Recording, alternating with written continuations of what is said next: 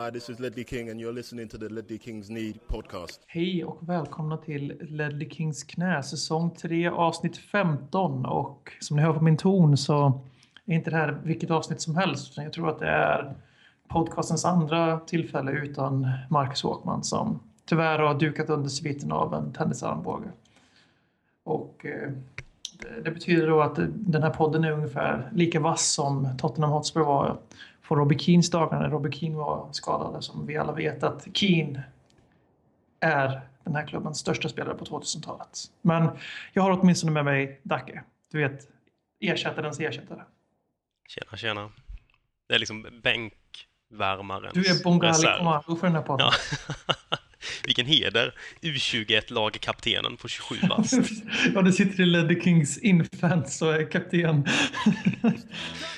Så hämta hem det ännu en gång För jo, du vet ju hur det slutar varje gång vinden vänder om. Det spelar väl ingen roll, håller du finger långt Alla de minne får, de är ett minne blått Det här är ingen blå grej som rent spontant blir omtalat på något omslag som Heidi Montage Eller Spencer Pratt, är nog den endaste svenska MC'n som har en känsla för rap Så hey! släng upp en hand om du känner vad som sägs. Är nu en podcast coming your way. Så ge mig femman mannen och bara tryck vad nu en podcast coming your way Så ge mig femman mannen och bara tryck på play Hey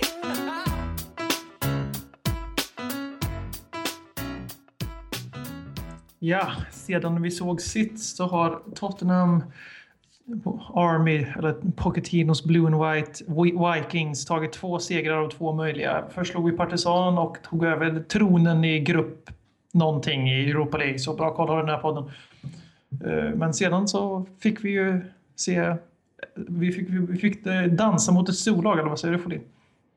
Ja, det var, det var en fin match i söndags mot Everton. En fin 2-1-seger. Var det, bästa, var det bästa matchen under Pochettino? Jag såg det kastas runt på en del forum och så vidare.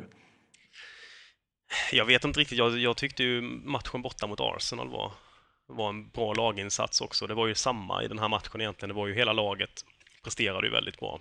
Eh, det är svårt efteråt att plocka ut, tyckte jag, en liksom enskild spelare som verkligen, verkligen stack ut. Utan man, det blir Förutom lätt att man Kane. nämner... Ja, jo, jo. Eh, det är väl Kane i sådana fall.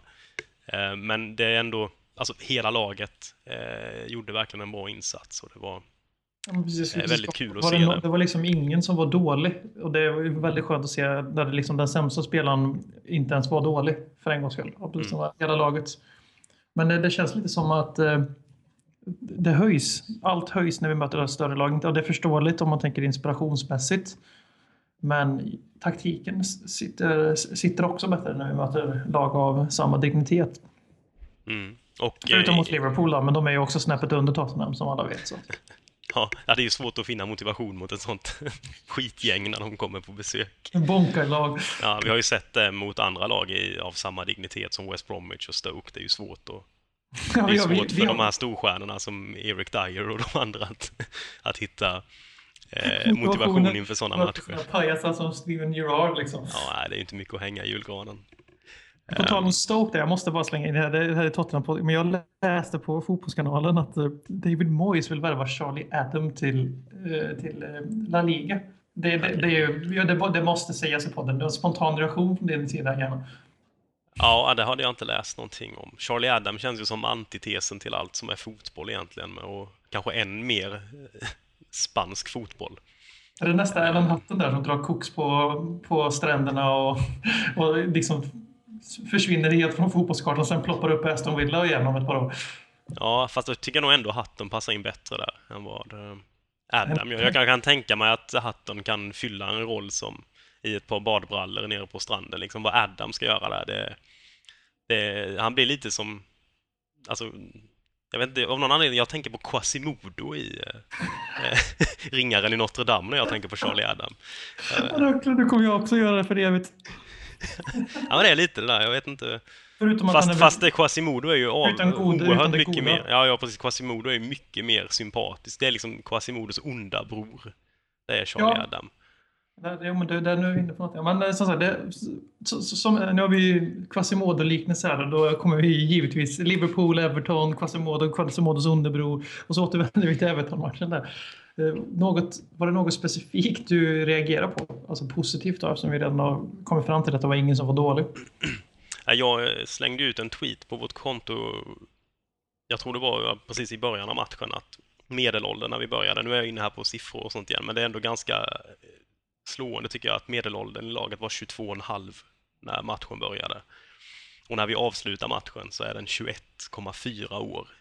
Och det är helt sanslöst lågt. Det måste ju vara, eh, känns spontant som det borde vara en av de absolut lägsta medelåldrarna i hela Det är ett ligan. U21 det är ett U21-lag. Alltså, Ja, det, det, det finns inte. Det, jag har jävligt svårt att se att eh, det, det skulle vara kul att få en officiell, men det kan knappast att det inte är det yngsta hittills. Jag har jävligt, alltså på riktigt nu, jag har väldigt svårt att se framför att något lag klottrar och det är nog flera år också. För 21,4 sa du. Mm. Det, är, det är ju häpnadsväckande. Det är extremt inspirerande framförallt tycker jag. Mm. Ja, det- man får verkligen... eh, Jag fick hopp bara av det. Att, att, att de här unga killarna kan stå upp och vända ett underläge mot Everton och på, på en hemmaplan som det har varit mycket snack om att spelarna har haft svårt att presentera. Ja, precis. Det var verkligen... det var många spöken som, som eh, om de inte blev helt eh, förstörda här, så, eller bortdrivna, så åtminstone så har det påbörjats. Att, eh, Och sen också bort. att laget står pall. För är ju som du säger, de står upp för varandra och gör det jävligt bra. De, det verkar som att det, den här trion med homegrown grown, eh, Mason och nej, Mason Bentaleb eh, och eh, Kane, att de pratar, Keynes pratar efteråt om att, liksom, att det är klart att vi, vi krigar alla för varandra i den här klubben, men det är klart att man känner extra starkt för de som man liksom har gått upp genom ranks med. Och, men det jag verkligen imponeras över är att se när vi plockar ut Soldado och när vi plockar ut Lennon av diverse skäl, förmodligen slitage då på båda. Så att vi fortsätter stå pall med, vi, vi blir yngre, det är då vi kommer ner i den här åldern då, men att vi, sjunk, vi dör inte där. Vi, vi borde ju tappa matchen 2-1 till 2-3 när vi spelar med juniorlaget sista 20. Mm. Och då har vi också blivit av med våran, med Vlad också, så vi tappar högerkanten i ett tag. Det blir omvänt från veckan innan när vi satt och hyllade att Lennon Vlad vände matchen. Nu blir vi av med båda två av olika skäl. Nej, det, och det, var ju, det blev man ju väldigt orolig för när först, när Vlad gick sönder. Mm. Så, eller ja, när, när Lennon blev utbytt så var man väl lite sådär på hur ska Lamela klara den positionen. Så för Lennon gör ju ändå ett... För att jag tyckte Lamela, jag gillade att se det. Han, han Grisar som visar ju ändå... helvete. Ja, och han är så dålig på att tackla och jag älskar det. Jag vet inte hur många så, helt bedrövliga tacklingar han satt in. Som, liksom, han kom in Och alldeles... så blir han alltså, han kom för in för sent. som faktiskt inte han ska bli varnad för. För Baines ligger ju ner redan när Lamela börjar glida. Ja, han kunde ju fått eh, gult på någon av de andra också. Eh, Men jag gillar att se det, att han skiter liksom i att "Ja, men jag är dålig på det här, men jag ska försöka ändå. Eh, Jag gillade den attityden hos, hos honom. Matchen mot Partizan så hade han ju flest tacklingar i laget. Lamela. Han, han bara kör, han bara kör. Vår, vår tacklande stjärna där på offensiva stjärna, det är fint. Eh, Men som sagt, Vlad med. Jag såg ju inte matchen mot, mot eh, Hall när han spelade eh, på högerbacken i andra halvlek. Men det såg ju verkligen ut som en helt annan spelare. Ja, precis. Jag var och jinxade Brann, de stackarna. Som... Stackars Brann och Norling. Ja, eh, men tillbaka till Vlad så eh, det var ju verkligen en helt annan spelare ute på, alltså, ute på plan. Om man har sett honom som mittback, han har ju sett helt under isen ut och sett ut att sakna eh, självförtroende helt. Men eh, ja, den positionen verkar ju bara passa honom mycket mer i sin spelstil. För han, jag menar, han springer ju framåt som mittback också. Det är inte så att han står och spelar en klassisk eh, mittbacksroll direkt. Nej, Så inte direkt. det kanske är där ute han ska vara. Låt honom köra lite.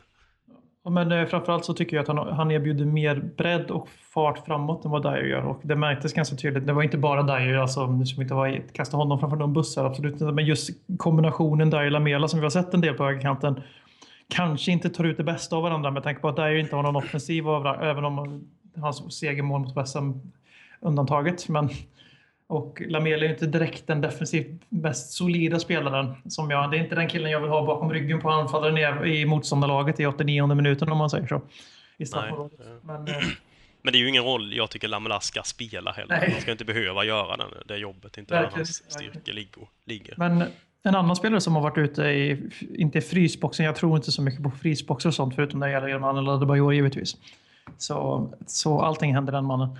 Eh, Så att Palinho fick ganska ro, mycket ros för sitt inhopp mot Everton, för att, för att vara Palinho i alla fall. Mm. Nej, han såg väl också...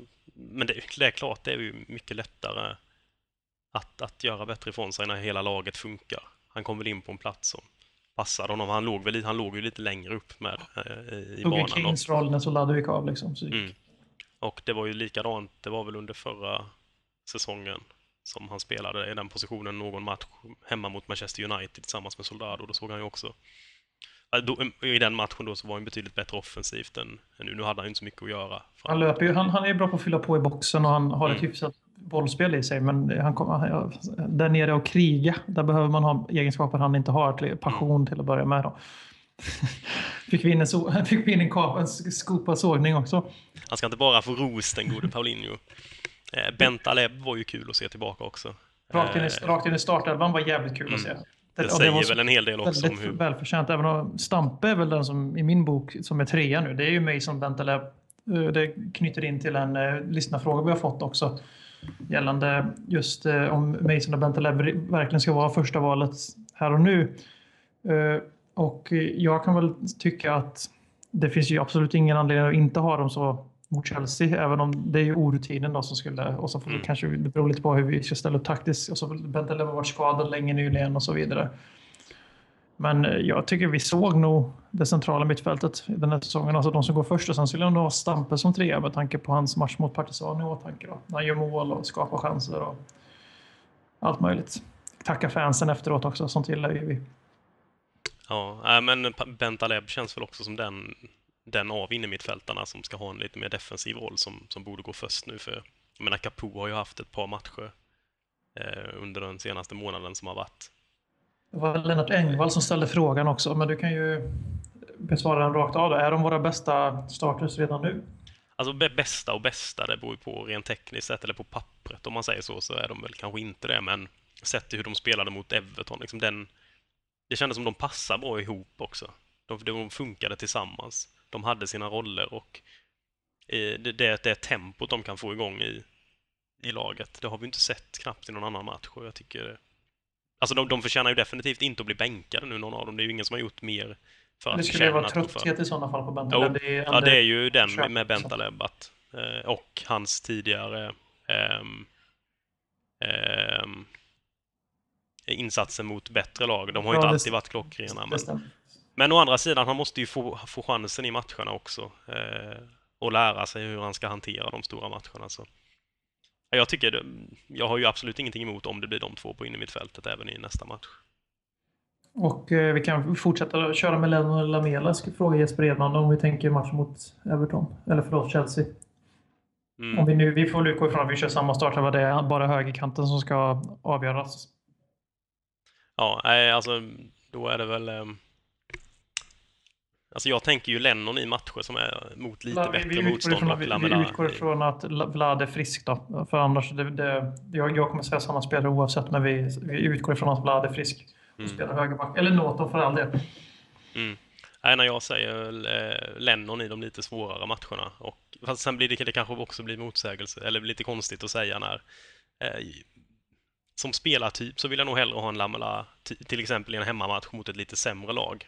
För det känns som att han borde kunna hjälpa till att luckra upp ett lågt liggande försvar bättre. Men å andra sidan har vi haft problem i sådana matcher hemma mot de lagen när han har spelat med. Men Lennon tycker jag mot Chelsea, om han orkar det, och det tror jag väl han gör. Han har ju inte, jag kan säga så, Lennon har ju inte förtjänat att bli petad och det hade inte Lamela heller. Men det, balansen ser bättre ut just nu med honom. Och så Lamela är en riktig vass joker att slänga in också. Han eh, var väldigt involverad i spelet när han kom in mot Everton. Så att han inte fick ut så mycket, men han är där överallt och gör folk tokiga och grisar över hela planen och gör det lite för svårt för sig själv. Lite, lite Spurs på det sättet.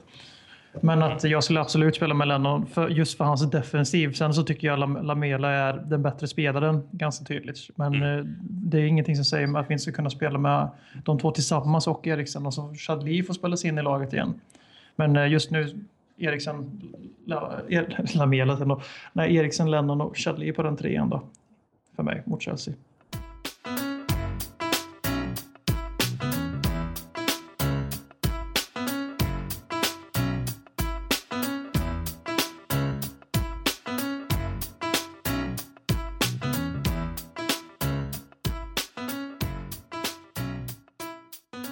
Då efter att eh, krisstämplade Tottenham har vänt på steken och eh, plockat tre raka finfina segrar så hur känner du nu B.M., här i, inför framtiden?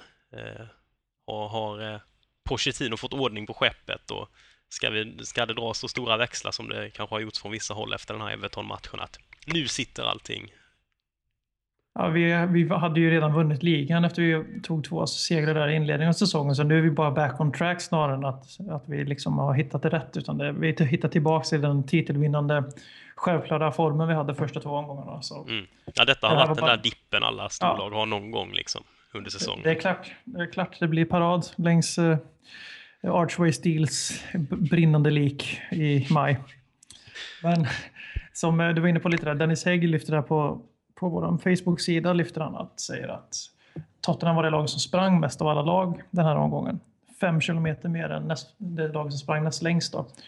Och eh, han frågar då, är det bevis på en vilja, hjärta och en fortsatt tro på Potch. Och det kan vi nog säga att eh, segern mot, först om vi tar Hall som är en moralisk seger, den andra väldigt moraliska segern. Sen att vi får hjälp av domarkåren och givetvis är FAs nya buddies och så vidare.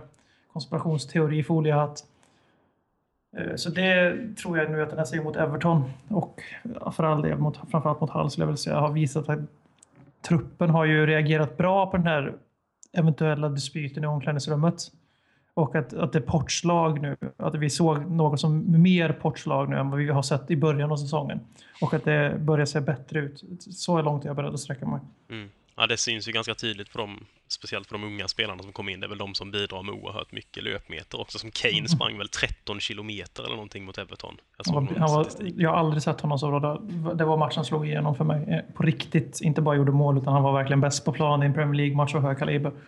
Mm. Ja, det var väldigt imponerad av hans driv med han har med, eh, alltså med boll. Han kan driva förbi eh, spelare på ett oerhört fint sätt. Och han verkar vara svår att ta bollen ifrån med. Liksom, han kan vara på väg att ramla flera gånger, men han bara kör på ändå. Han lyckas på något sätt komma tillbaka. Din, Han är liksom en, en storvuxen Messi. Din företrädare Per Frikebrand satt och spekulerade om just Harry Kane och eh, hans driv. Han påstår att han påminner väldigt mycket om Bales genombrott som är en skillnad då att Bale dunkar in dem i krysset från 30 meter medan Kane fortfarande letar efter avslutsdojan från distans. Och nu sitter du och fyller i där och kröner honom till en storväxt och lite längre Lionel Messi. Så jag säger det, det är någonting med den här rollen i podden som gör att man ser sådana här storheter före andra. Nej, det mm, alltså Messi gör väl inte så jättemycket distansmål heller. Det är väl på frispark i sådana fall och det gör ju vår kära Harry också.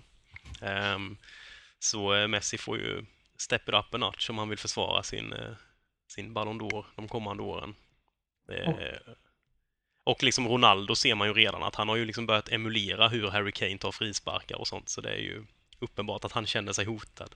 Fråga som Faris Jesu. När vinner Harry Kane Guldbollen? Ja, alltså om inte nästa år, så är det väl året efter. Allt annat är väl, det kan inte vara höga odds på det liksom. Det, knappt man får tillbaka insatsen. Men för att återkoppla lite, så varför vi pratar så mycket om Harry Kane just nu är ju för att han gjorde en väldigt bra match, men också för att den här dispyten som, vi, som jag kanske vagt hänvisade till är rykten om att Harry Kane och Emmanuel Adebayor har ryckt ihop efter förlusten mot Stoke. Och att det har då blivit falanger i laget som stöttar varsin sida, liksom de äldre, äldre gardet versus Kane och den nya generationen. Nu, hur mycket det sant det här är, det kommer vi aldrig få veta. Förmodligen är det inte särskilt sant. Men det, det vi vet är att efter det så har inte, har inte Adebayor spelat, Capo har inte spelat och Kabul har inte spelat. Och Nej. Harry Kane alltså var, såg ut i alla fall mot Everton som att han var beredd att dö för Tottenham på plan. Det är han nog förmodligen. Och det känns lite som att det är den här generationen med Mason, Kane, Bentaleb som är inte, absolut inte är Pochettinos kille utan Sherwoods kille.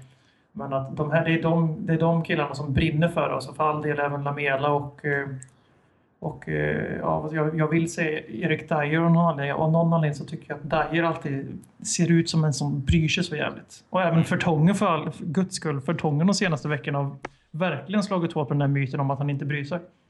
Ja, han var också väldigt bra mot Everton. Det var ju den här gamla Fertongen som var tillbaka igen. Han som eh, fick en plats i eh, bästa Premier, alltså i, Tillsammans med Rio Ferdinand. Ja, under sin första säsong. Eh, I, vad, vad säger man? Årets lag. Årets lag säger man ja, i Premier League. Då. Han var väldigt bra och som du säger med den betydligt mera eh, ledande i backlinjen och liksom steg fram och, och och tog ansvar i att styra upp backlinjen. Um, han fick ju till och med Fazio att se ganska, ganska bra ut. Uh, vilket jag tror Fazio behövde också. Uh, han har ju haft, uh, han har ju nästan mest, mer blivit utvisad än vad han har spelat matcher. Så att, um, Två, två röda på tio matcher nu, inklusive Everton. Det, det, det är starkt jobbat det. Ja, men det är lite sådär kulthjälte status på gång om man fortsätter så menar jag. Om det blir det sådär en sex röda kort per säsong så är Men det om man knoppar inte... in en 1-0-boll i 94 i en sån dödssituation. Han går in mellan Cahill och Terry och skallar ihop alla tre och han nickar in den i 94 och vi vinner på Stamford Bridge. Då, då är det ju, han gör redan kulthjälte i och med att det då faller över i myten om hans röda kortsamlande. Att han gör Mm. ett sådär riktigt idiotmål som är det verkligen värt att göra ett mål mot Chelsea och få sju hjärnskakningar? Vilket svaret är givetvis ja, men han kanske inte är beredd att tycka det efter 11 matcher i Spurs. Men men nu tycker han tycker ju det, det vet vi. Det precis. syns ju på honom. Han blir den nya, nya han blir 2010-talets nästa kultikon efter Benjas och EK2. Inga Mm. likheter i övrigt. Nej, de, de lik... vi får hoppas att det inte, kanske inte blir så mycket mer likheter de emellan heller. Um, vad var det mer jag tänkte på? Eh, ben Davis också. Måste, nu har vi ju snart pratat om allihopa som spelade den här matchen, men det säger väl en del om... Jag tycker han ser... Där har vi ju en riktig ytterback också. Det ser man ju på honom. Han är ju skolad i att spela ett um, riktigt ytterbacks försvarsspel också. Tycker han är väldigt duktig på att liksom styra spelare åt rätt håll. Och det är inte så att han sticker ut med att han gör fantastiska brytningar eller att han eh, precis hinner bryta i sista sekunden innan det är på väg att bli ett mål. Men han spelar väldigt moget eh, och, och väldigt duktig på att liksom styra ut sin eh, ytter, eller styra in sin ytter eh, in i banan snarare än att låta dem gå på utsidan om honom. Och när de väl gör det så, så blockerar han ju bollen väldigt bra tycker jag. Han var, det var en eh, väldigt förtroendeingivande insats, tycker jag. Jag, jag som är negativ här, det det enda jag minns om hans insats, vilket är positivt i Tottenhams backlinje, att inte sticker ut. Men eh, det jag märkte, det enda jag minns om hans insats var när han gjorde en helt hårresande korkad fullsatsning på att bryta en passning i slutet. Där han går bort sig helt och hållet och tjur- tjurrusa tillbaks, drar på sig en frispark i, utanför boxen där Baines får ett drömläge och slår in en bra. Och det, och jag tror också, fan vet de inte det, nej det var det hörna de höll på få- fick straffskrik på, eller var det, var det kanske den frisparken till och med? Ja, det är oklart. Jag minns det där. efterhandskonstruktion, för efterhandskonstruktionens skull så säger vi att det var det, den, det agerandet som ledde till den här straffsituationen. Då. Men eh, som, som Dennis var inne på, här, vi sprang och vi sprang och vi sprang och eh, vi springer därmed rakt in i Jonas Mötley Crües Malmströms fråga. Ja, ja, jag butchade det uttalet bara för att. Ja, vi kommer springa rakt in i väggen Chelsea. Hur fan ska vi slå dem? Folin?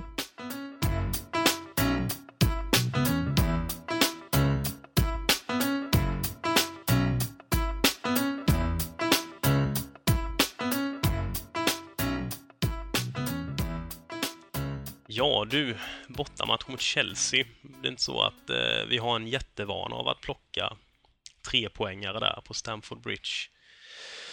Eh, Jag gör det kunna- på Fifa. du gör det jämt. På FIFA. Så, hur gör du då? då? Vad är det som, vad är hemligheten? Det, hemligheten är att eh, sp- springa med Lamela, ta två fotare på Courtois och sen så göra mål på, jag vet inte varför jag uttalar det, Courtois. Lamela och Courtois. Hazard. Nej, jag, jag, jag fuskar helt enkelt. Jag spelade Ja. Mourinho way. Gör, du gör du så som, jag minns man kunde göra det förr i tiden när jag spelade på PC. Back in the day så kunde man byta så att man spelade som motståndarlaget, så kunde man springa och göra några självmål, sen bytte man tillbaka till sin egen igen. De har ju tagit bort den möjligheten nu i, i det. För jävligt. Det är bara sänk svårighetsgraden till sämre än, sämre än Arsenal och så efter det så fixar sig allt. Nej, men det är väl en lite... Alltså attitydsmässigt måste det ju vara på samma nivå som det var mot Everton. Um, sen kan väl, för Chelsea är ju det är ju sällan de bjuder till allt för mycket. Kanske lite, det är väl mera hemma på Stamford Bridge, men Mourinho har ju, hans lag har ju en eh, en vana av att inte gå bort sig i onödan. Och det känns som lite Tottenham mår bra nu av att möta lag som bjuder till lite. Det gjorde ju Everton faktiskt. eh, När de Det är ett bra poäng där. Det krävs två för att dansa det, för att bli en riktigt bra fotbollsmatch det krävs det att två lag spelar fotboll. Och eh, det var, fick vi se lite skillnad också när Tottenham faktiskt mötte ett lag på hemmaplan som försöker spela fotboll. Det märktes om man säger så.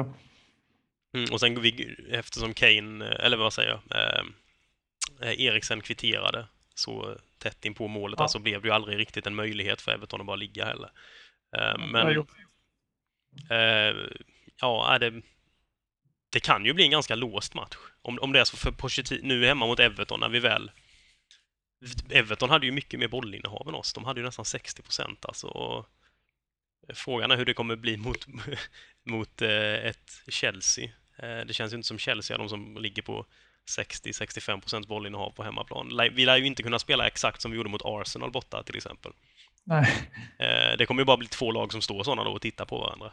Men då får vi en poäng borta. Det Ja, ja, det, ja, det, ja, det tar jag också varje dag i veckan.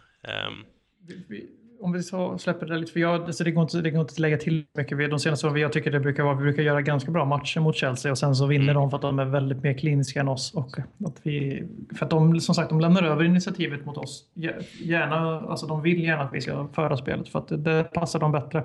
Sen har de väl successivt blivit lite mer ett spelande lag, får jag lov att säga. Tycker jag. ehm, de har vi inte fått en ganska otrevlig vana med av just mot Chelsea att åka på väldigt kontroversiella domslut på bortaplan. Förra året var det väl var det Walker Ja. som blev utvisad eller var det Rose som blev utvisad?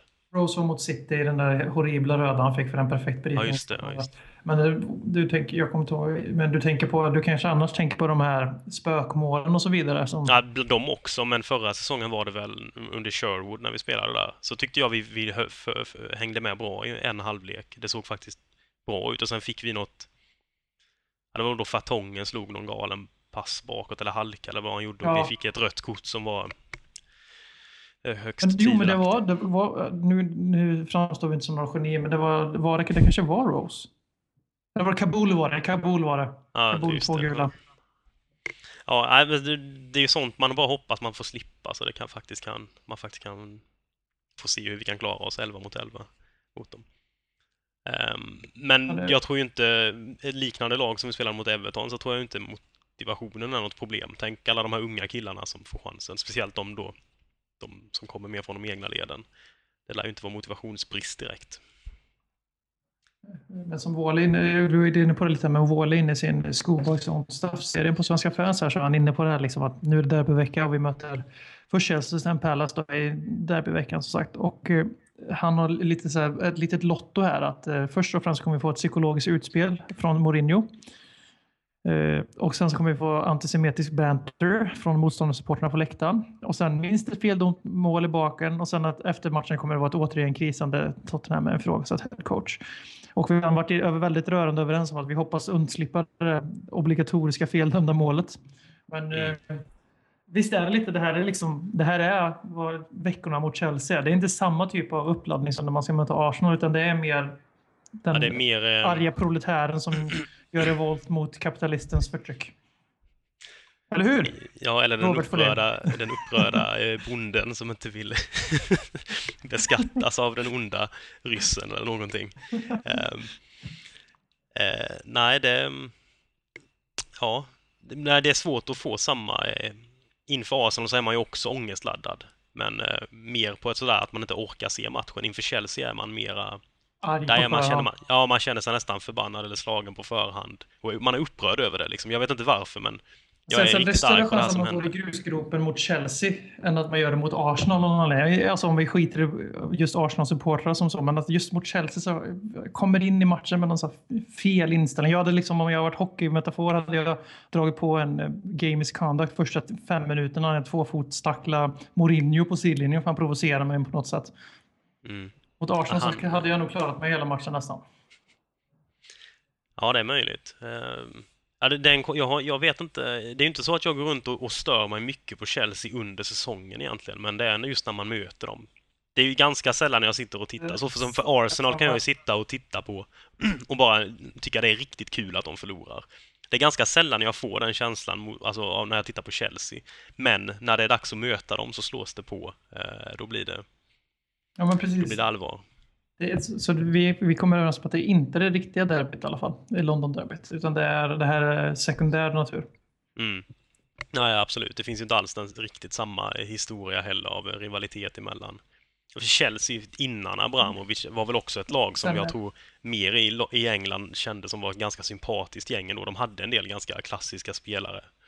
Men eh, sen Abramovic och deras framgångar här nu så har de ju, ja, är de väl betydligt mindre omtyckta än vad de var förr i tiden.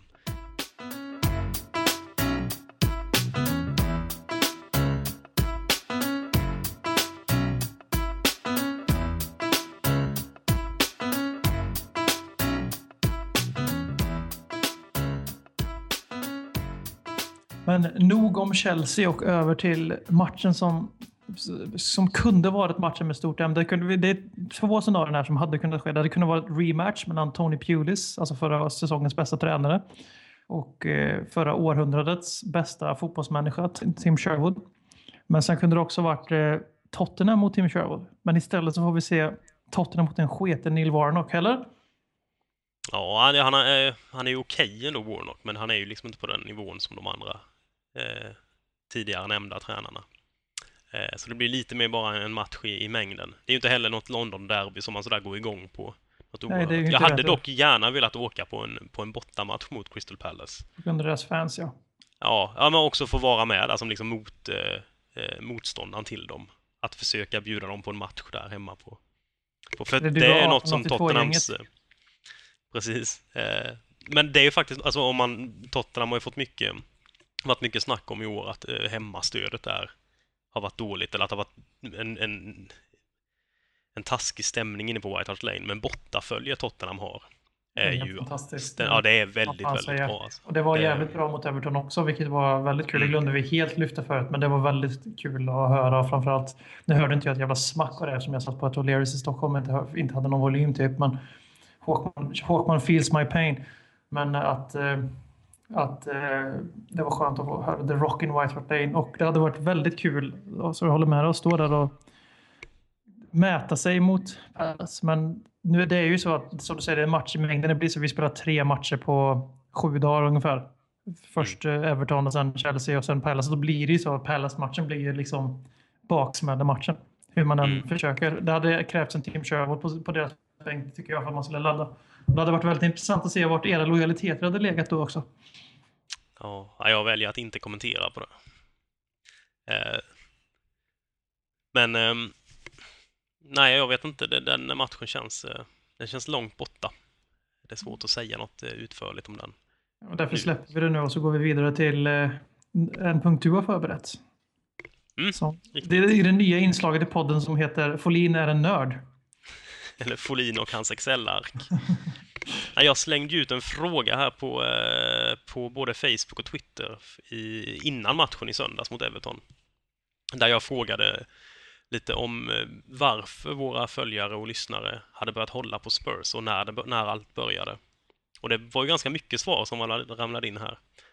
Ehm, och, Över ett 50-tal och få skryta lite. Det är, Ja, det var är- över 50 det är faktiskt. Fet. Det är bra det. Det är bra skit. Ja, det är nästan tillräckligt med svar för att det ska kunna räknas liksom på en hel popula- population. Det är inte så Ja. många Spurs-fans heller i, i Sverige kanske. Så. Ehm, Men vi kan börja här med, eh, jag tänkte bara gå igenom lite övergripande om eh, hur folk har svarat och eh, jag har då gjort en sammanställning dels på varför det har blivit Spurs och även en på när det började allting. Liksom, när började folk känna sig som Spurs-supportrar eller Kanske är identifiera sig möjligt som att det? den här, den här filen återfinns på vår. Bara om min jävla sketa ligakalkyl från 2013 finns där så kanske till och med den här kan hamna där. Eller, eller vill du hålla det för dig själv? Nej, det kanske kan dyka upp någonstans. Det, det får vi väl slänga upp. Det är alltid fint med diagram och tabeller. Det går väl alla igång på. I minne av Marcus Håkman. Hans tennisarmbåge. vi hedrar mannen som, Hatar Ja, jag statistik. ja, med att lägga upp massor med statistik. Så, så är det. Nej, men varför Spurs? Eh, Då har vi fått in eh, 56 olika svar där. Då har jag tagit om man på något sätt har nämnt en liksom, tydlig anledning i varför det blev Spurs eh, i sitt, sitt svar. Och vad tror du där är den vanligaste liksom, grejen? Varför tror du de, de flesta har valt Spurs? Jag kör en cop-out och säger spela, en specifik spelare, säger jag. Och så Ja. ingen, men jag väljer ingen spelare så, utan att det är bara Nej, man har valt spelare. För det har jag själv gjort, nämligen Robbie Keane. Mm. Ja, det är riktigt. Det är den vanliga. 36 procent faktiskt av de som svarade sa att det var en speciell spelare som hade gjort att de började följa Spurs. Och det var inget jag tänkte på skulle vara så stort faktiskt. Var det 100 procent av dem sa David, David Ginola och eh, som när alla säger varför de lyssnar på Ledley Kings knä så säger 100% Marcus Håkman. Nej, vet, jag har faktiskt tagit, tagit ut med vilka som var de populäraste spelarna att nämna. Vem tror du det var? Tror du det var Ginola? Jag säger, fan, jag säger några. Ja, Ginola är faktiskt tredje populärast bara av de som har svarat någonting. två. Fast det kanske inte, har, vi kanske inte har så, vi kanske överdriver den här Nej. bilden av att vi fått så jävla mycket nya fans efter Champions League. Och Ja, jag blev väldigt förvånad över den mest populära. Det var faktiskt Gary Lineker. Det hade jag, fan, Eh. hade jag fan aldrig, det hade jag inte gissat. Jag hade tagit Ledley King efter Bale och sen så hade jag, hade, nej Lineker hade jag verkligen inte. Ja, vi har. Gary Lineker, Ossi Ardiles på andra plats, Ginola på tredje plats. Sen är det lite blandat mellan eh, Klinsmann, Ricky Villa och Paul Gascoigne. Ingen Ledley King ens King, ingen, King har inte blivit nämnd någon gång faktiskt. Ja, det, Ingen började hålla på Spurs på grund av har väl, vi har väl ingen, ja, vi, vi, vi låter det- vara osagt. Ja, eh, men vi kan väl säga så att podden lär inte komma tillbaka framöver. Podden kommer i fortsättningen heta Gary Linekers tå. Ja, två ganska roliga eh, omnämnen som jag måste bara ta upp att folk har nämnt. En började hålla på, på Spurs på grund av Giovanni dos Santos. Ja, det är där Team Och han Geo represent, svenska fans. Whoop, whoop. Och det var inte Wally heller som sa det. Eh, och en har nämnt Erik Edman, vilket faktiskt kan stärka tesen lite om att det här med svenska spelare kan spela roll i, i, eh, i varför Men man... Oskar Jansson. Eh, Oscar fick bli, han är inte representerad tyvärr. Jag ändrar mitt svar till honom. Ja, Jag visste, jag visste var väl så. 2002 att han skulle komma till Tottenham och spela ungdomsfotboll. Ja. Ja, sen eh, om vi ska titta igen på varför lyssnarna här har valt varför det blev Tottenham efter spelarna så är det eh, delat mellan eh, tips Tipsextra och att en av föräldrarna har, har liksom, man har tagit efter att hålla på sin mamma eller pappas lag. Eh, och sen så, men det finns ju också folk som har nämnt sådär att pappa höll på Arsenal så jag ville hålla på ett annat Det, lag. det är en av mina största man- rädslor i, i, i livet. Att min unge ska börja heja på Arsenal för att jag är så Tottenham. Ja, det är, det är två i alla fall tror jag som har nämnt det just att pappa höll på Arsenal så jag ville vara motvalls. Eh, Fan. ja, motvalls har jag ju faktiskt till och med gjort till en grej. Det är ju 7% som har valt det. Det har ju en egen kategori till och med. Ja, Det, ja, Så det finns där det är en- skräm, en- skrämmande siffror. Om vi rundar av väldigt Ur mycket mitt uppåt. perspektiv är det skrämmande siffror. Ja, ja. För, Arsenals perspektiv är det alldeles för få. Det ska vara fler som byter lag för att deras föräldrar hejar på Arsenal. Ja, men sen då samtidigt, tänk att gå med den, den liksom, eh, känslan här nu att får du en Alltså får du ett barn och det, det barnet är intresserat av fotboll så kan det finnas en 7 chans där så att det blir ett Arsenal-fan. Det är ändå Det är, för, det är, det är ungefär 10 procent för högt för mig om man lägger in felmarginal på 2 procent. Ja, ja, det är... Alltså tipsextra givetvis. Och Vi spekulerar lite. Hur, hur, hur fan överlever man de Umeå-dagarna? Liksom, man unge sitter bara... Oh, Boxing Day Derby, Arsenal, Tottenham, Arsenal. all- uh." Alltså ungen kommer ju hamna i en likkista. Ja, det, det måste vara jobbigt. Jag vet inte hur man hanterar riktigt. Ska vi fråga där ute om det finns det någon lyssnare som har e egna erfarenheter av detta? Hur är det liksom att växa upp i ett hem där, där, eh, där man håller på... Alltså, där två personer håller på eh, vassen. Helt olika rival. lag. Ja, men, liksom som men just en Dron- rival. Men... Bronsfield, om jag inte minns fel nu, Robin Dronsfield som har varit med i den här podden ett antal gånger som gäst. Han, eh, han om inte jag minns fel, växte upp i West Ham hem. Oj. Så det, men vi vill gärna ha er. Det skulle vara väldigt intressant om ni kunde skriva på Facebook eller Twitter att, liksom, hur det känns och vi kanske har ett barn som är på en rival eller framförallt föräldrar. Då. Så, får vi se om vi kan få lite inspiration så att vi vet vad vi ska undvika med våra egna ungar sen. Ja, precis. Vad var det som gjorde att det gick, gick så här? En annan ganska kul, ganska vanlig tendens då är också att sådär, eller man, man, en, någon har köpt en tröja eller halsduk eller mössa någon gång i tiden. Och sen har man bara haft den så har det blivit, ja ah, men jag håller väl på de här nu. Tycker också, det är bara sådär en, en ren slump att någon hade köpt det. Eller sådär, pappa köpte två kepsar, en var Wolverhampton, en var Tottenham, jag fick Tottenham. Det blev Spurs. Men to be så att säga. Ja. Eh, Och sen måste vi väl ändå nästan nämna eh, vår eh, kära lyssnare som, ska se vad vi hittar han, vad hette han? Eh, här är väl förberett.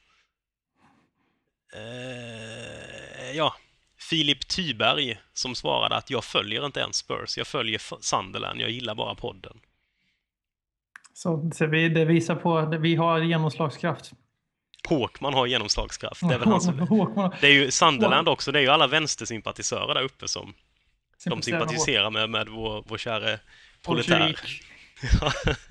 Det vi kan lägga till där är att Marcus Håkman har alltså sålt fler tröjor med sitt namn på en. Nej, Håkman har inte sålt, men klubben har fått sälja en med Håkman och sen en till som har övervägt detta. Och då, då vill jag använda det som en väldigt krystad övergång nu till från varför man är på Spurs till att Håkman har sålt fler tröjor än honom. Och det är alltså över till poddens nästa lilla bjussning där vi går in på profilen Bongani Komalo. Och varför gör vi det, Folin? Det gör vi för att den käre Komali nu var tillbaka och spelade i Spurs U21-lag. Som Tillsammans kapten. med bland annat Kyle Walker kan vi lägga till. Ja, men den stora händelsen var ju givetvis att, att äh, käre Komal var tillbaka. Och äh, han kliver in där som kapten, 27 bast. Lirar i U21-laget. Och han var... Vad sa han? Vad hade han att säga om matchen? Han sa att han var delighted. Eh, Det finns en fantastiskt rolig bild på, eller det här när Tottenhams Twitterkonto skriver om att eh, eh, Eh, han var överlycklig över att ha spelat eh, en match här igen. Så står han och ser jättesur ut, som man gör på alla bilder med honom egentligen. Eh, ganska, ganska underhållande. Ja, vi, vi, vi tänkte på det, vi satt och diskuterade lite om, om det innan. Och så, fan, han har varit hur jävla länge som helst, hur långt kontrakt har killen liksom. Och det, som är, det som är att han värvades i oktober 2010 och sen kom då i januari 2011. Så det, han går in på fyra år i klubben när som helst. Och eh, han har än så länge gjort noll tävlingsframträdanden, alltså inte ens fem minuter i ligacupen. Vi kanske har fel på det här, så ni får gärna säga emot och lägga upp en YouTube på hans fantastiska, men jag kan inte minnas att jag har sett honom. Utan jag har alltid sett honom som en fruktansvärt misslyckad PR-värvning. då. Sydaf Sydafrikas nya, nya marknader där vi var på en tour, vi värvade PNR som är en betydligt bättre fotbollsspelare än Komalo. Men finns, visst finns det plats för honom i laget, Flin? Ja, absolut. Eh, nu börjar det ju komma rykten med, med om att eh, Vlad ska vara på väg till något italienskt lag, eller åtminstone att Vlads agent försöker Tippa honom till Roma igen. Precis. Och ehm, då blir det ju, då blir det ju Komalo som får komma in här, kliva in. Han kanske med kan spela högerback, det vet man inte. Jag kommer att tänka på det nu i början av, eller för ett gäng avsnitt sen, så nämnde vi väl det att eh, Brad Friedel och Amanuel Adebayor var de efter eh, Kabul som, och Lennon som hade varit längst i klubben. Mm. Vi. Bongo har ju varit där längre. Hur kunde vi hade missa fel. honom? Det är, det är tragiskt. Det är dåligt Det är faktiskt. riktigt dåligt. Ja, 2010 sa du att han, vi köpte honom. Då är han ju en av dem som har varit i klubben längst. Och då menar vi förutom Lennon och Walker och sådana som har varit där sedan de var typ 12 Ja, år. Givetvis är det inte någon som reagerar på det. Nej, nej. Lennon var Men- 16, jag vet. Men, alltså, under sin tid här i Spurs så har han varit bland annat på lån hos Preston North End. Sex framträdanden. Sen Reading, fyra framträdanden. Och sen hade han ett litet mini-genombrott där 2012-13. Han spelade i PAOK, alltså Panathinaikos va? Mm. Det, det är så att de har två väldigt, ja, skitsamma. Där gjorde han 22 framträdanden och jag vill minnas att vi dansade mot dem i Europa League det året. Eller var det säsongen efter? Jag blandade ihop. Nu ville jag få det så gärna till att vi mötte hans lag och han fick spela på grund av fadderregeln. Eller, det, jag, vet inte. jag vet att det är någon av de här vevorna så har vi mött Pauk i alla fall och då har han varit kanske inblandad. Och så förra säsongen så spelade han 30 matcher för Doncaster Rovers före han återvände till Spurs. Och där han nu är lagkapten för vårt u lag som slog, slog eller förlorade mot Manchester City med 2-1 i Kyle Walkers debut. Eller Ja, comeback. De, de vann med 2-1. Det gjorde Komalo de. var man of the match. Ja, givetvis. Det, det antar vi att han är ständigt när han spelar. Det är Ja. kul, bara när vi är inne på den matchen, att eh, både Pochettino och Ryan Mason var och tittade på matchen. Det gillar man ju väldigt mycket, att båda två är på, på plats. Eh, Mason var väl där för att säga hej då till sina före detta lagkamrater slutligen. Han är ju här, nu, nu, nu när Håkman för en gång skulle inte med i den här jävla podden och sågar Ryan Mason och kallar honom för nästa Jamie O'Hara och Jermaine Ginas och allt vad han häver ur sig mot den stackars Mason. Så får vi ju äntligen ha en podcast där vi bara hyllar Ryan Mason. Och nu får vi Mm. ännu ett skäl att hylla honom. ja, så kommer Håkman tillbaka snart. Då. Planera honom igen. Men, eh, Men kan du tänka dig den när, tänk när eh, eh, Komalo såg Mason där uppe på läktaren. Tror du han kände lite bara du din lille... Det är klart han gjorde. In här med dig, du ska spela i mitt lag, du ska spela i mitt U21-lag. Sitter där uppe vid tränaren, fjäskar din jävel. Det, därför, det var då tänkte han, det är därför han är med och jag, jag, har, jag har mycket mer civilkurage än så. Jag skulle aldrig vika mig och slicka Pochettino Ja, det, men för det var det väl en del snack om med att um, under Villa Boas tid att han var ganska, att många yngre spelare kände att han var väldigt ointresserad av, av det laget. Är ja. vad ryktena säger i alla fall. Jo, men det, jo, jag minns ryktena sen. Hur valida de är, det har jag faktiskt ingen koll alls. Men eh, Pochettino har ju blivit sedd på flera u matcher redan. Så. Mm. Och det, det, det ska ju, alltså, det är ju självklart i min värld att de ska vara där och titta själva och se. Mm. Sen nu, alltså, vi får inte glömma bort att till exempel Bentelev var ju med AVBs Tottenham på, som truppspelare i, i polissäsongen innan redan. Så han har bara varit där med några månader och sådana grejer. Men det betyder inte att det var AVB som fixade det utan jag misstänker att han fick en kraftrekommendation. Ta med de här om du behöver ha 25 man på träningen liksom och så vidare. Mm. Så det, man behöver ha en tränare, framförallt nu med den nya profilen när vi satsar på vår svindyra träningsanläggning. Och då är det viktigt att tränaren, the head coach, liksom, att, den är, att han är där och ser på laget. Men kan du komma, nu vi pratar om Ryan Mason, jag vill bara att det var en spelare som, som, som har lämnat Tottenham nu, som spelade, som åkte ur Premier League. Han var väldigt ofta och kollade på u Du måste givetvis mena den gamle fine Scott Parker, som eh, jag själv har varit ute och sett en eh, U21-match tillsammans med på Hotspur Way. Det är ju, och det är ju ett gott tecken att Ryan Mason agerar som den gamle Scott gjorde. För vi två, vi två i den här podden tycker jag om att jämföra Ryan Mason med positiva förebilder, alltså Scott Parker och inte Jamie O'Hara som en tredje man här i podden brukar göra. Och jag kände att vi, vi har en ny Scott Parker på G här fast med betydligt bättre passningsfot. Jag har inte riktigt sett eh, park, eller några sådana Parker-snurror heller från Mason. Det är förvisso något han kan addera ja, till sin Det, det är svårt sina, och det är inte alla som kan snurra som eh, Scott Parker. Utan att bli... Dock en här, när jag var och såg Brann förra helgen, hade de en, in, en innermittfältare som någon gång, han ba, fast han gjorde ju mer ordentliga snurrar, han sprang nästan runt i cirklar med bollen, det såg jättekonstigt ut. Det kanske förklarar att Brann numera spelar i division 1. Det, det, är som Lamela, det är som Lamela i början av säsongen. Lamela när han får alldeles för mycket frihet, då springer han också i en cirkel med bollen. ja, det är intressant eh, fenomen blir vanligare och vanligare. Det är så spelare försöker modellera sig efter Scott Parker men klarar inte av det helt enkelt. Mason men eh, Mason gör det för ut, utanför planen då givetvis, till att börja med. Och det är ju ack så, viktigt. Men det kanske är lite, jag har inte tänkt på den innan förrän jag förstod här nu att det var Parker du pratade om, att det kanske finns lite av den attityden i Mason också. Jo, det ty jag, tycker, alltså, jag tycker, ibland tycker jag att det blir, går lite för långt när man lägger upp på Instagram och sånt där. Eller gjorde jag inte varit där ännu på ett par, men homegrown och hashtag och sånt, att göra ett varumärke av det. Men sen kanske man kan sluta vara cynisk och så bara för en gång skull bara se det som att vissa spelare kanske faktiskt brinner för klubben och faktiskt bryr sig om u och så här, går och kollar för att de bryr sig om hela klubben på det sättet, att de känner sig som en del av det. Mm. Just istället för att tolka allting så, här så negativt som man kan, så kan man försöka vrida det positivt. Mm. Ja, det är ju väldigt eh, eh Nej, det är svårt att se något negativt med, med Mason alls. Du ska få kommentera en sak till före vi går över på lyssnarfrågor. Jag vet att vi kommer bli halshuggna om vi inte lyfter det, men när Soldado lyckas stinka in 2-1 där. Reaktion? Mm. Ja, jag blev så jäkla glad bara, för det är ju en sån spelare också. Jag, jag kan inte tycka illa om honom. Jag vet att det finns de som är väldigt frustrerade på honom och eh, det finns väl de med som har skrikit om att han borde ha sålts eller borde aldrig ha köpt honom, men Alltså han vill ju verkligen lyckas. Det syns ju på honom. Det, han vill ju verkligen lyckas och, och, göra det för, för Tottenham också. Och han har väl fått ett speciellt band till fansen eftersom fansen, majoriteten åtminstone, alltid verkar ha stöttat honom. Hans namn har ju sjungit på White Hart Lane, alltså oavsett att han inte har gjort mål på, på, jag vet inte vad det är, ett halvår där eller någonting. Um, det har legat i luften var... lite vill jag säga. Senaste, jag tycker det har legat i luften de senaste veckorna. Mot vi såg ja, Partisan, alltså det var helt sanslöst att han inte gjorde mål den matchen. Och det har ju varit något eh, med honom att han har ju spelat helt okej okay och liksom kommit till lägen och egentligen bara haft en otrolig jäkla of... Visst, det är väl all, aldrig bara oflyt, men det är verkligen sådana där helt...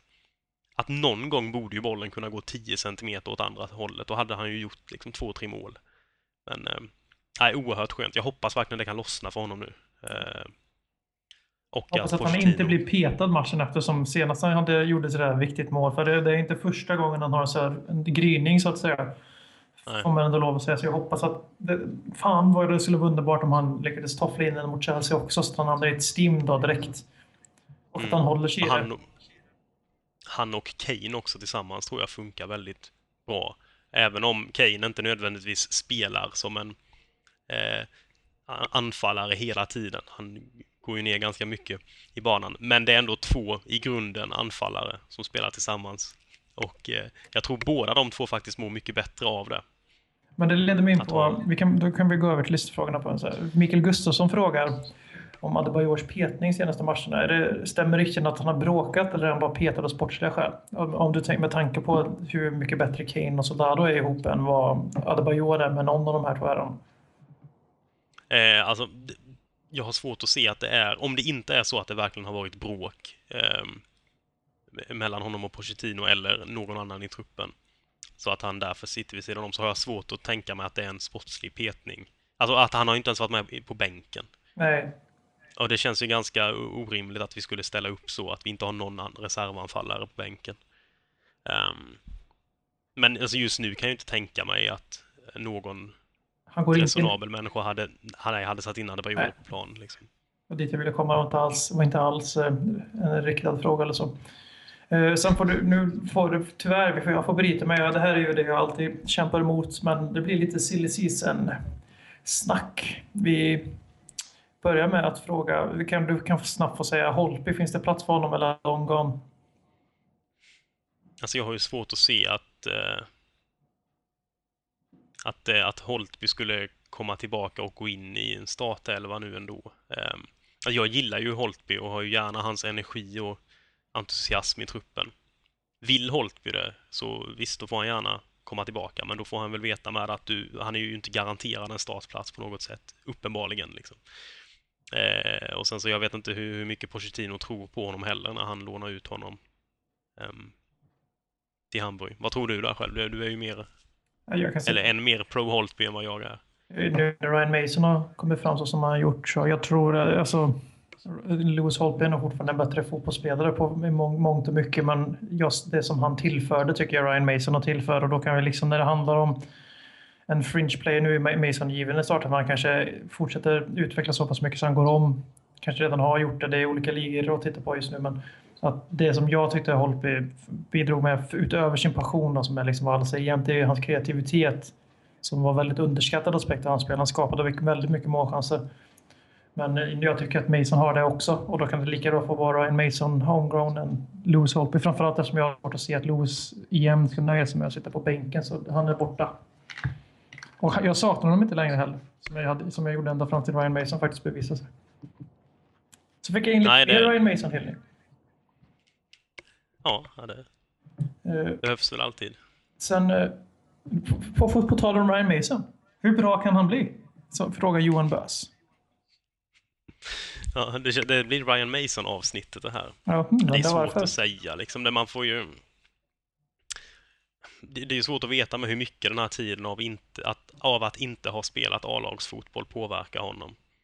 Ehm, nu har han väl ändå, han verkar ju ha oerhört mycket fotboll i huvudet också, att han verkligen förstår spelet och tänk, han har ju en speluppfattning som är väldigt god. Det kan ju kanske hjälpa lite att eh, det här eh, skadan av att inte ha kunnat spela A-lagsfotboll så mycket på grund av skador och halvmisslyckade utlåningar kanske inte blir lika stor som om en, en ung talang som mer är beroende av teknik och fysik i sitt spel och kanske behöver de här A-lagsmatcherna från 18-19 års ålder och uppåt för att även förbättra sin spelför, spelförståelse en del och förstå sin plats i laget. Så nej, det är jättesvårt att säga, men alltså en fullt duglig. Premier League Han kommer, alltså, nej, nej, jag menar inte som att han kommer bli fantastisk, utan jag tror att han, han och Harry Kane kommer spela A-landslaget för den här säsongen är slut. Förutsatt att de inte droppar av helt och hållet. Jag tror även Dan Rose kommer göra sin A-lands- A-landslagsdebut. Alltså det säger inte mycket. Jake Livermore har också spelat landslag, men jag, jag tror att det den nivån han kommer vara. Liksom en spelare som kommer kallas in i landslaget för, för England i, i, när de spelar med B-laget. Och så kommer det absolut vara i Tottenham i alla fall ett par år till, hoppas jag. För jag har, har fortfarande inte sett de här Jamie och O'Hara-tendenserna, men Håkman har ju tyvärr en tendens att ha rätt. Vi sitter väl här om två månader och så Ryan Mason är nere i U17-laget och kapten och blir Komalo nummer två. Han sitter där om ett par månader och har, har blivit tillsammans med en annan, eller en av eh, Teddy Sheringhams ex. Ja. Det var väl det Jamie O'Hara gjorde. Ja, precis. Men eh, då över till lite silly frågor där som du ska få. Du kan få börja med att svara på Marcus Henrikssons fråga. Vilken spelare tror du Spurs skulle må sämst av att förlora i januari? Bara en, säg bara spelaren. Alltså... Ja... Hugo är ju ganska given, tycker jag. Prestigeskäl eller för att svårast, bättre, störst kvalitetsdropp på reserv? Ja, dels eh, signalerna det hade skickat. Nu, nu tror jag ju verkligen inte att han ska, kommer bli... Han kommer ju inte bli såld i januari, det är ju Nej. uppenbart. Aldrig. Men om det är något, någon som hade kostat att förlora, alltså som verkligen hade skadat, så hade det ju varit han. Också för vilka signaler det hade sänt ut. I att, aha, nu gör de sig av med sina bästa spelare igen. Johan Manfredsson um, undrar, hur länge klarar vi att hålla Christian Eriksson kvar utan CS-spel? Han har väl varit nummer två skulle jag gissa på de flesta listor. Först Loris självklart och sen förmodligen Eriksson då. Tror jag, tror jag att någon hade listat upp det på. Mm man får väl komma ihåg att Eriksson faktiskt bara är 22 år också. Eh, han, har, han har ju redan Champions League-erfarenhet från Ajax-tiden. Han har väl till och med gjort ganska, spelat ganska många Champions League-matcher.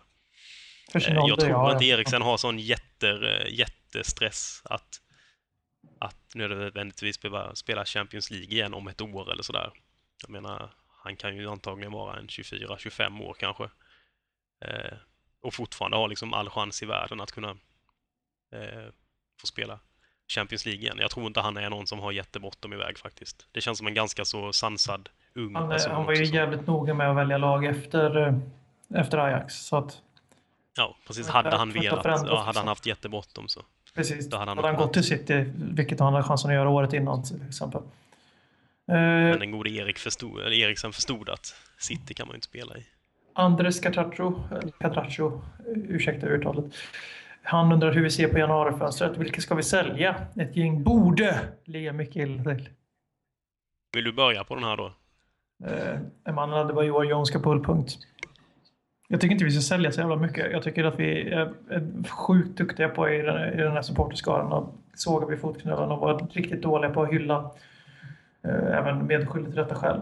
Eh, i min, i min bok, alltså, jag, så jävla mycket kan man göra ett januarifönster. Januarifönster är så jävla överskattat att göra stora drastiska förändringar. Jag förstår varför man gör det om man ligger i botten. Men håll kompakt. Får vi ett bud på Adebayor, sälj och ta in en, en, spelare som är hyfsat nöjd med att vara trea och slåss med Soldado och Kane.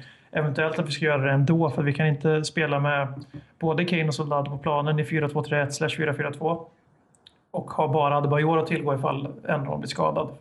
Det blir för stor taktisk omställning på grund av en skada. Och sen så tror jag inte att Kane kommer hålla samma höga nivå hela säsongen.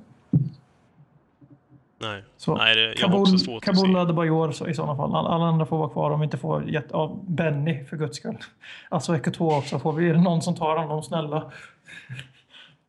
Kom igen nu Harry, jag vet att det är fingrarna. Han sitter väl och Instagram-krigar med Livio utomlands någonstans. Nej, ja, det är väl om det skulle vara någon av innermittfältarna som liksom inte vill vara kvar så är det väl att försöka sälja av dem, någon där i sådana fall. Ja, Holtby kommer förmodligen Holtby kommer bli officiellt såld i januari, tror jag. Mm. Så man kan ju... Men sen om någon av de andra verkligen ja. skulle vantrivas så det är ju inga sådär som man måste hålla kvar för att Ja, men vi, vänt, vi väntar på frågan vilka ska vi absolut inte sälja i januari av de som det faktiskt nämns. Det är typ alla förutom Loris som nämns vid försäljning. Och alla vill ju sälja någon förutom Loris. Det är ingen som vill bli av med honom. Nej, det, det, kan jag inte tänka mig att det är heller. Um, nej, en del har ju väl, ja, jag vet inte hur, fatongen ska man ju absolut inte göra sig av med, vilket jag inte heller tror man kommer göra. Um, efter nu med hans insats på högerbacken, så jag vet inte, ska man inte ge Vlad hela säsongen i alla fall? Där är det ju ändå lite rykten om att han ska, att hans agent försöker skicka ner honom till Italien. Det är ju flera klubbar som har nämnts, Inter också har nämnts där, och Roma. Och flera gånger också framförallt, alltså i olika, varje fönster och, och tidigare nu då. Men nu vänder vi steken här, nu ska du få göra den klassiska Vilka realistiska värv värvningar ser ni i januarifönstret? Satsa allt på Moutinho, Mirallas, Isco? Ehm, Det var inte Jag, jag som frågade, utan det var Martin Svensson som frågade detta, så jag tillägger. Um, Moutinho vet jag väl inte om det är så, så enkelt att lösa. Jag tror inte det finns alls samma intresse heller längre sen Villa Boas inte tränar klubben. Och han lär väl kosta därefter också. Han har gått ner sig som helvete också, så där han kan gott ruttna någonstans. Eh, vad var det mer? Isco har jag svårt att se att vi, någon skulle kunna värva. Eh, han får väl till och med spela i Real Madrid. Han är, Eh, alltså han är way out of our League, tyvärr. Men det är special, det special som, eh, relationship möjligtvis. Mirallas. Ja, just det. Mirallas. ja, Mirallas, ja, det är ju en fin spelare. Eh, absolut. Det anknyter också faktiskt till Tim Hardenstedts fråga som frågar hur bra hade inte Mirallas passat in? Så du kan ju svara på både Marcus Mirallas då. Hur bra hade han passat in? Ja, jag, har svår, jag har, har inte sett jättemycket med honom, men eh, alltså i speeden och, och de bevisligen fina avsluten han kan ta så hade han väl passat in i de flesta, de flesta lagen. Eh, känns väl som en ganska så bra kontringsspelare också. Eh, och det är väl lite det Pochettino vill kunna spela. Eh, såg man väl nu mot Everton bland annat. Det gick ju väldigt fort när vi ställde om och i, ett sån, i en sån uppställning hade väl han passat in finfint. Frågan är om vi behöver jag känner väl inte att det är en ytterligare en eh, lite ytter eh, offensiv spelare än det vi behöver köpa in. Liksom. Det, finns, det finns en del alternativ där. Vi behöver Eh, och, trimma på en trupp före vi ens tänker på att köpa spelare, tycker jag. Det är möjligtvis en anfallare för breddens skull. Då. Eh, Om vi nu ska fortsätta spela den här hybriden som vi har sett slagkraftigt ut i. Så. Annars tycker jag vi ska, jag vet inte om vi ska köpa någon, om jag vara ärlig. Nej, det jag får- kan tänka mig också det är en, en liksom äldre pappa till laget, Ja. liksom en Edgar Davids typ, liksom, den värvningen när vi gjorde den. Något i den stilen, bara för att få in det, någon som är lugn med att ja, jag kommer in och gör liksom det jag ska. Jag spelar inte alla matcher, men jag har väldigt mycket rutin och kan hjälpa till både eh, på och utanför planen. Liksom. Och med de orden så tycker jag vi avrundar man, Håkman att läsa avsnittet. Och eh, jag ville göra det för jag kom precis på Paulinho och jag ville tänka att det skulle vara ett vackert avsnitt där vi inte nämnde Paulinho som en av spelarna som ska säljas i januari. Men eh, sen så kom jag på mig själv och så tänkte jag att han är nog en av de spelarna som fortfarande ligger lite pyrt till. Men vi har, i Kumbaya-podden som vi kallas den här gången har bestämt oss för att alla får stanna. Tack för oss. Tack, tack. Dags att hämta hem det ännu en gång För jo, du vet ju hur det slutar varje gång vinden vänder om. Det spelar väl ingen roll, håller du finger långt? Alla de minne får, de är ett minne blått Det här är ingen blå grej som rent spontant blir omtalad. Oj, fan, nu tryckte jag fel. Eller Spencer Pratt är nog den endaste svenska MC'n som har en känsla för rap. Så hey! Släng upp en hand om du känner vad som sägs. Ännu en podcast